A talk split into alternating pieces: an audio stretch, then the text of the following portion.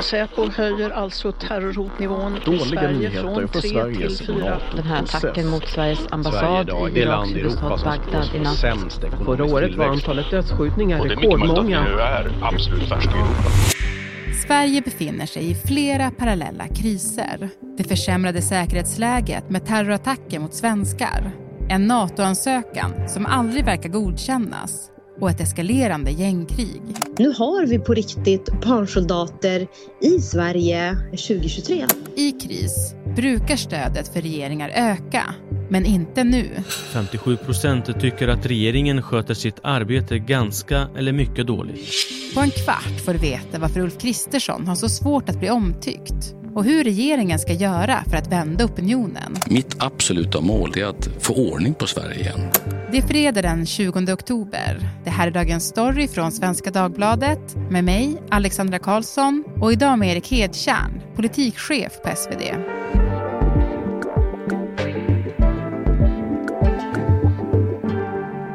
Erik, i helgen ska Moderaterna samlas för stämma i Ume. Redan på torsdag. Redan på torsdag? Ja, till och med söndag. Det är en lång stämma då? Ja, det är det ju. Och det brukar ju vara längre när det är större partier. Så till exempel Kristdemokraterna, de har bara två dagar. Centern är ju väldigt många, så de hade tre. Mm. Och du ska dit? Jag ska dit, precis, även om jag är chef. Och det är ju roligt att man kan få se någon sorts politisk verkstad. Men hur kul kommer det bli då på den här stämman? Eh, jag tror att det kommer vara roligt för Moderaterna, för det är första gången på tio år tror jag som de samlas och liksom har stämma och är i regeringsställning. Sist var i Norrköping 2013. Mm. Så att det kommer ju vara roligt för dem. Och sen så är det ju spännande för det är ju riktiga politiska frågor som avgörs också på partistämmor. Det tänker man inte på, men vissa saker behöver liksom vara förankrade i partierna för att de ska kunna bli verklighet sen. Att de ska kunna driva på i förhandlingar och få igenom sin vilja sen. Mm, mm. Och bara om vi stannar det kort då, vad kommer bli en stridsfråga på den här partistämman? Ja, men det verkar som att den enda riktigt stora frågan är klimatpolitiken. Och den ligger ju liksom nedströms i rikspolitiken för att regeringen ska ju komma med en ny klimatpolitik. Så där återstår liksom massa förhandlingar. Och en sån viktig sak är utbyggnaden av vindkraft som de flesta verkar vara överens om att det behöver gå ganska fort. Liksom, Moderaterna ska ta en ny egen politik och det avgör hur de sen kan agera i regeringsställning. Vad som blir liksom, utfallet på den här eh, stämman. Ja, och en, just en fråga om vindkraft kan ju sen bli en knivig fråga för själva regeringssamarbetet, kan man tänka sig. Ja, men verkligen. Eh, och eh, det, det som är förslaget på stämman det är att det ska bli liksom lite mindre lätt för kommuner att säga nej till ny vindkraft. Om stämman säger ja, så kan det vara, då eh, blir det lättare sen att göra en sån förflyttning i de här förhandlingarna i regeringen. För det finns inte riktigt, Sverigedemokraterna de, de tycker ju otroligt illa om, om vindkraft. Så har man ett starkt mandat från stämman då kan man ju driva på. Har man istället ett, ett mandat att det ska inte vara lätt att etablera ny vindkraft utan att kommunerna ska verkligen få säga nej i ännu högre grad än vad de får säga idag. Då får ju regeringen ett problem. Mm. Eller Moderaterna i regeringen får ett problem. Mm. Kanske ännu ett problem, för att du sa där i början att det kommer bli rätt kul på den här stämman för att Moderaterna är ju i regeringsställning. Men samtidigt så har de ju regeringsmakten i en tung tid. Och det senaste i raden av händelser det är ju den här terrorattacken i Bryssel. Och jag tänkte vi kan lyssna lite på hur det lät när Ulf Kristersson eh, talade mm, efter den attacken. Vi lever i en mörk tid, det har vi vetat nu under ett tag. Aldrig tidigare i modern tid har Sverige och svenska intressen varit under lika stort hot som just nu. Ja, det, han låter ju allvarstyngd får man ju säga. Mm. Ja, men för det här är ju bara ett, som jag sa, i raden av händelser som utmanar vår säkerhet. Alltså, vi har ju också ett eskalerande gängkrig här i Sverige där utomstående drabbas i allt större utsträckning. Alltså, det är ganska mycket för regeringen att ta hand om. Hur klarar de sig? Ja, men en sak som då kanske ser bra ut, det är att partiet Moderaterna är fortfarande sakägarskap när det gäller gängvåld. Att man tycker att de är bäst typ, på att sköta det. Samtidigt så ser det inte bra ut för regeringen om man tittar på stödet till opinionen. Det ser ju inte bra ut för Moderaterna som parti. De hade ju typ 19 procent. Det är ju nog få moderater som är glada över den siffran i ett område som Stockholm då, som ska vara så här det starkaste platsen för Moderaterna. Där går det ju ganska dåligt. Ulf Kristersson har ju ganska dåliga såna förtroendesiffror och han ligger ju liksom efter Magdalena Andersson i, i förtroendekampen. Så att mycket ser ju inte så bra ut om man tittar på opinionssiffrorna i den här krisen för regeringen och för Moderaterna. Mm. Ja, men för hur stort stöd har regeringen då bland medborgarna? Förlåt, det är sånt högtravande ord. Men... Ja, men i vår senaste mätning så har de gamla rödgröna, alltså Vänstern, Miljöpartiet och sossarna, inte ens Centern inräknat då, är tillsammans större än vad eh, regeringsunderlaget är, alltså regeringspartierna plus Sverigedemokraterna. Och, och det kan de ju inte vara glada över, utan det är nog något eh, som bekymrar dem. Mm. Introducing Wondersuite from Bluehost.com. Website creation is hard, but now with Bluehost, you can answer a few simple questions about your business and get a unique WordPress website or store right away. From there, you can customize your design, colors, and content. And Bluehost automatically helps you get found in search engines like Google and Bing. From step-by-step guidance to suggested plugins, Bluehost makes WordPress wonderful for everyone. Go to bluehost.com/wondersuite. Men du Erik, är det inte så att i kriser så brukar människor sluta upp bakom regeringen och statsministern? Alltså att regeringar brukar få ett jättestort stöd just i kris? Jo, men så kan det vara. Man såg ju det under coronapandemin att så den socialdemokratiska eller SMP-regeringen fick ju ganska mycket stöd då. Eh, om man tittar på moderatledda regeringar så finns det ju både exempel på när det har gått bra och när det har gått mindre bra. Finanskrisen 2009-10 där, då hade Moderaterna ett otroligt starkt stöd och Reinfeldt och Borg var liksom ja, men radarparet som skulle leda oss ur öknen på något Mm. sätt. Stjärnduo. Ja, verkligen. Och så Anders Borg, som har varit min broder i Moderaterna i över tio år. Eh, Ibland känns det som vi lever ihop, får jag erkänna. Sen finns det exempel på den totala motsatsen och det tydligaste är väl 92, eh, hösten där när räntan var 500 procent och eh, Socialdemokraterna gick jättestarkt och Moderaterna gick ganska dåligt. De hade ungefär exakt samma siffror som de har just nu i Sifon och de blev inte omvalda sen heller. Så att det, utfallet kan bli olika. Ja, och vad beror det på då? Jag tror att en sak kan nog vara hur stark regeringen är och framstår. Om man tittar på alliansregeringen, de hade egen majoritet, de hade en väldigt ambitiös reformagenda och de var duktiga på att framstå som handlingskraftiga. Man kan debattera hur mycket de faktiskt gjorde, men de var väldigt bra på att få det att framstå som att de gjorde någonting. Jag tror att under krisen 92, alltså det var ju en mycket allvarligare kris för Sverige på många sätt och de visste nog inte riktigt hur de skulle lösa den och man behövde göra krispaket på krispaket och man behövde också göra upp tillsammans med Socialdemokraterna för man hade inte en egen majoritet. Man var tvungen att liksom informellt luta sig på Ny Demokrati då. Carl Bildt, är du glad över att Ian Wachtmeister kommer in? Nej, jag tycker att vi har fått en eh, så pass kraftig uppsplittring av borgerligheten att det är ingen tvekan om att det ställer till problem. Men sen är det intressant, den här Bildt-regeringen i tidiga 90-talet är ju lite lik vår regering nu i det att de inte liksom, de hade inte ett ambitiö- en ambitiös reformagenda som var liksom färdigförhandlad när de tillträdde och de har inte egen majoritet utan de har någon sorts samarbete. Man kan säga att samarbetet nu är ju stadigare för att man är öppen med att man samarbetar med Sverigedemokraterna än vad det var då. Samtidigt så kan man ju säga att den regeringen, den genomförde ju förändringar som var varaktiga i samhället. De hade ju en, en reformagenda med liksom de här valfrihetsreformerna som till exempel friskolan som verkligen präglade Sverige lång tid framöver. Mm.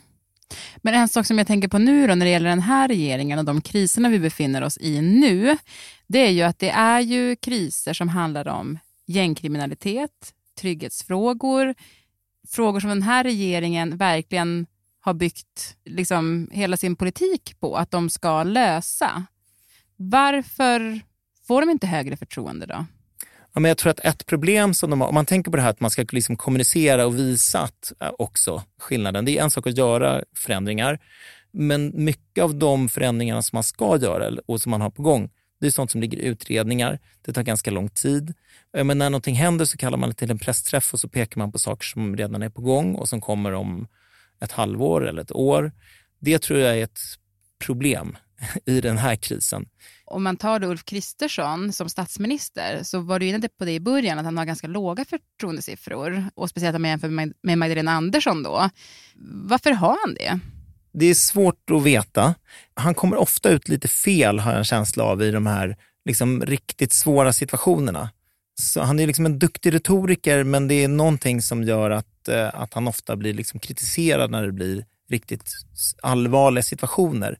Om man jämför med till exempel Stefan Löfven som ju för det mesta var, liksom, han var en mycket sämre retoriker än vad Ulf Kristersson är och fick ofta kritik för att han var liksom dålig i debatter, han var träaktig. Men när det var liksom riktigt, riktigt mycket kris, då var det som att eh, omdömet var att ja, men nu var det ändå bra. Nu, mm. nu, nu, men han kom ut som en ledare då, ja, statsminister. Mm. Ja, och, och, lite så, så, så tror jag att den här liksom, egenskapen som Ulf Kristersson har, att han är, han är lite så som en professor och han, han, han älskar liksom att berätta om politik och politiska reformer och sådär Eh, och hur de ska funka. Han blir liksom alldeles exalterad när han ska prata om så bidragstak till exempel och hur det kan lyfta människor och sådär det funkar inte på samma sätt när det blir riktigt allvarligt och han säger så här saker som att... Mina tankar är som alla andras tankar just nu hos de oskyldiga svenskar som har dödats och skadats och hos deras anhöriga och vänner. Ja, det, det funkar bättre i vackert väder än när det är riktigt, riktigt dåligt på något sätt. Mm. Och ett exempel på det där Ulf Kristersson fick mycket kritik, även då från högerhåll, det var ju när han höll sitt tal till nationen. Och det är ju verkligen en speciell sak att göra som statsminister. För man gör inte det så ofta. Det har inte varit så många tal till nationen genom åren. Och han höll ett tal till nationen efter att tre personer hade mördats på 12 timmar i Sverige. Men här var det också jättehård kritik mot honom. Ja, men han blev ju kritiserad för att han skulle göra liksom partipolitik av det. På ett sätt så sa han ju sånt som han har sagt väldigt många gånger vi såg det komma och sådär.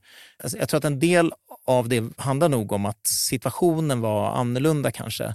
Och att ett tal till nationen tyckte ju en del ska vara något annat än eh, att det ska vara politik. Och sen så kan man ju säga att ja, men så fort en statsminister uttalar sig så är det ju politik också. Så att det är svårt att eh, beskylla honom för det. Det, kan, det är ju den liksom andra sidan av det där.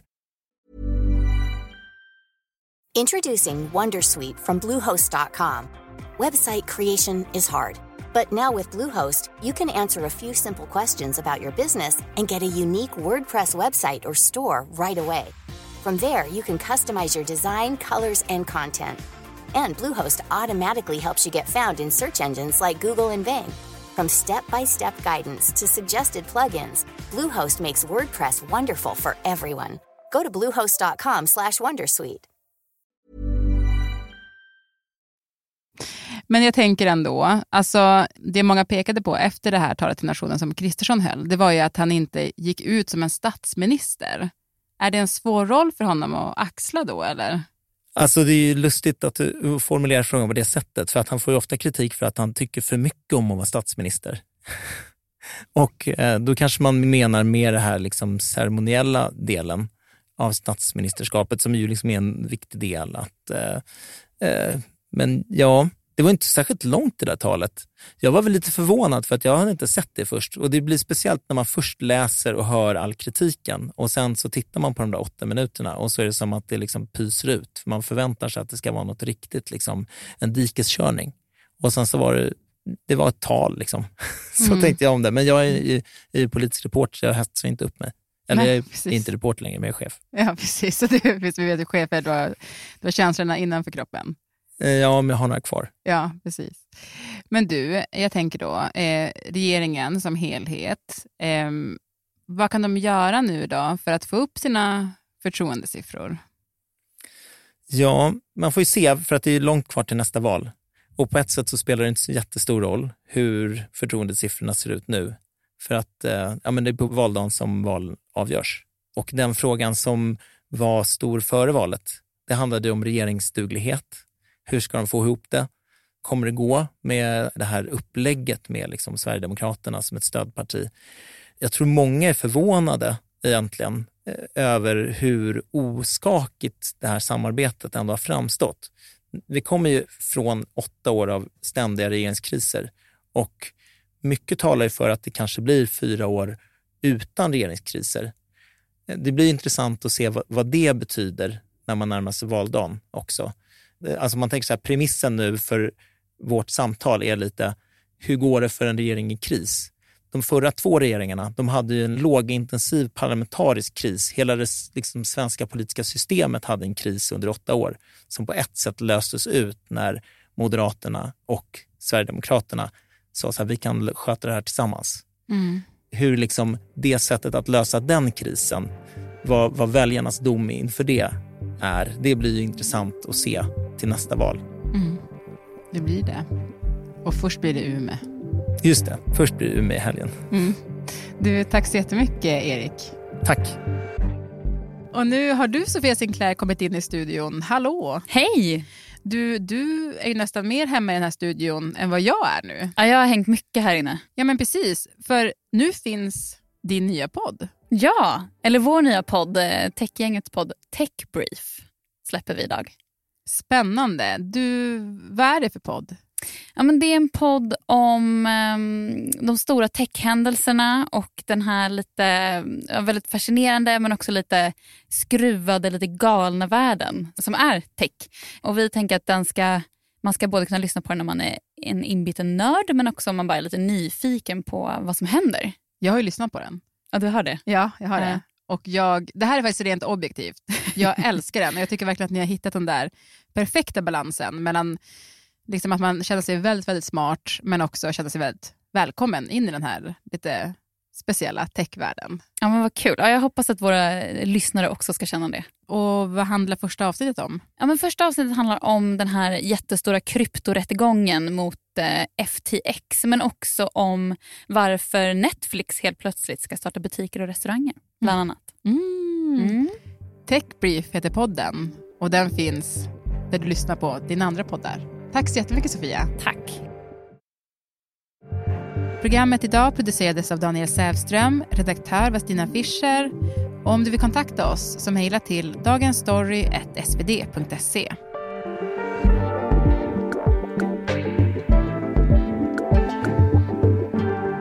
Och klippen i programmet de kom från SVT, Sveriges Radio och Aftonbladet.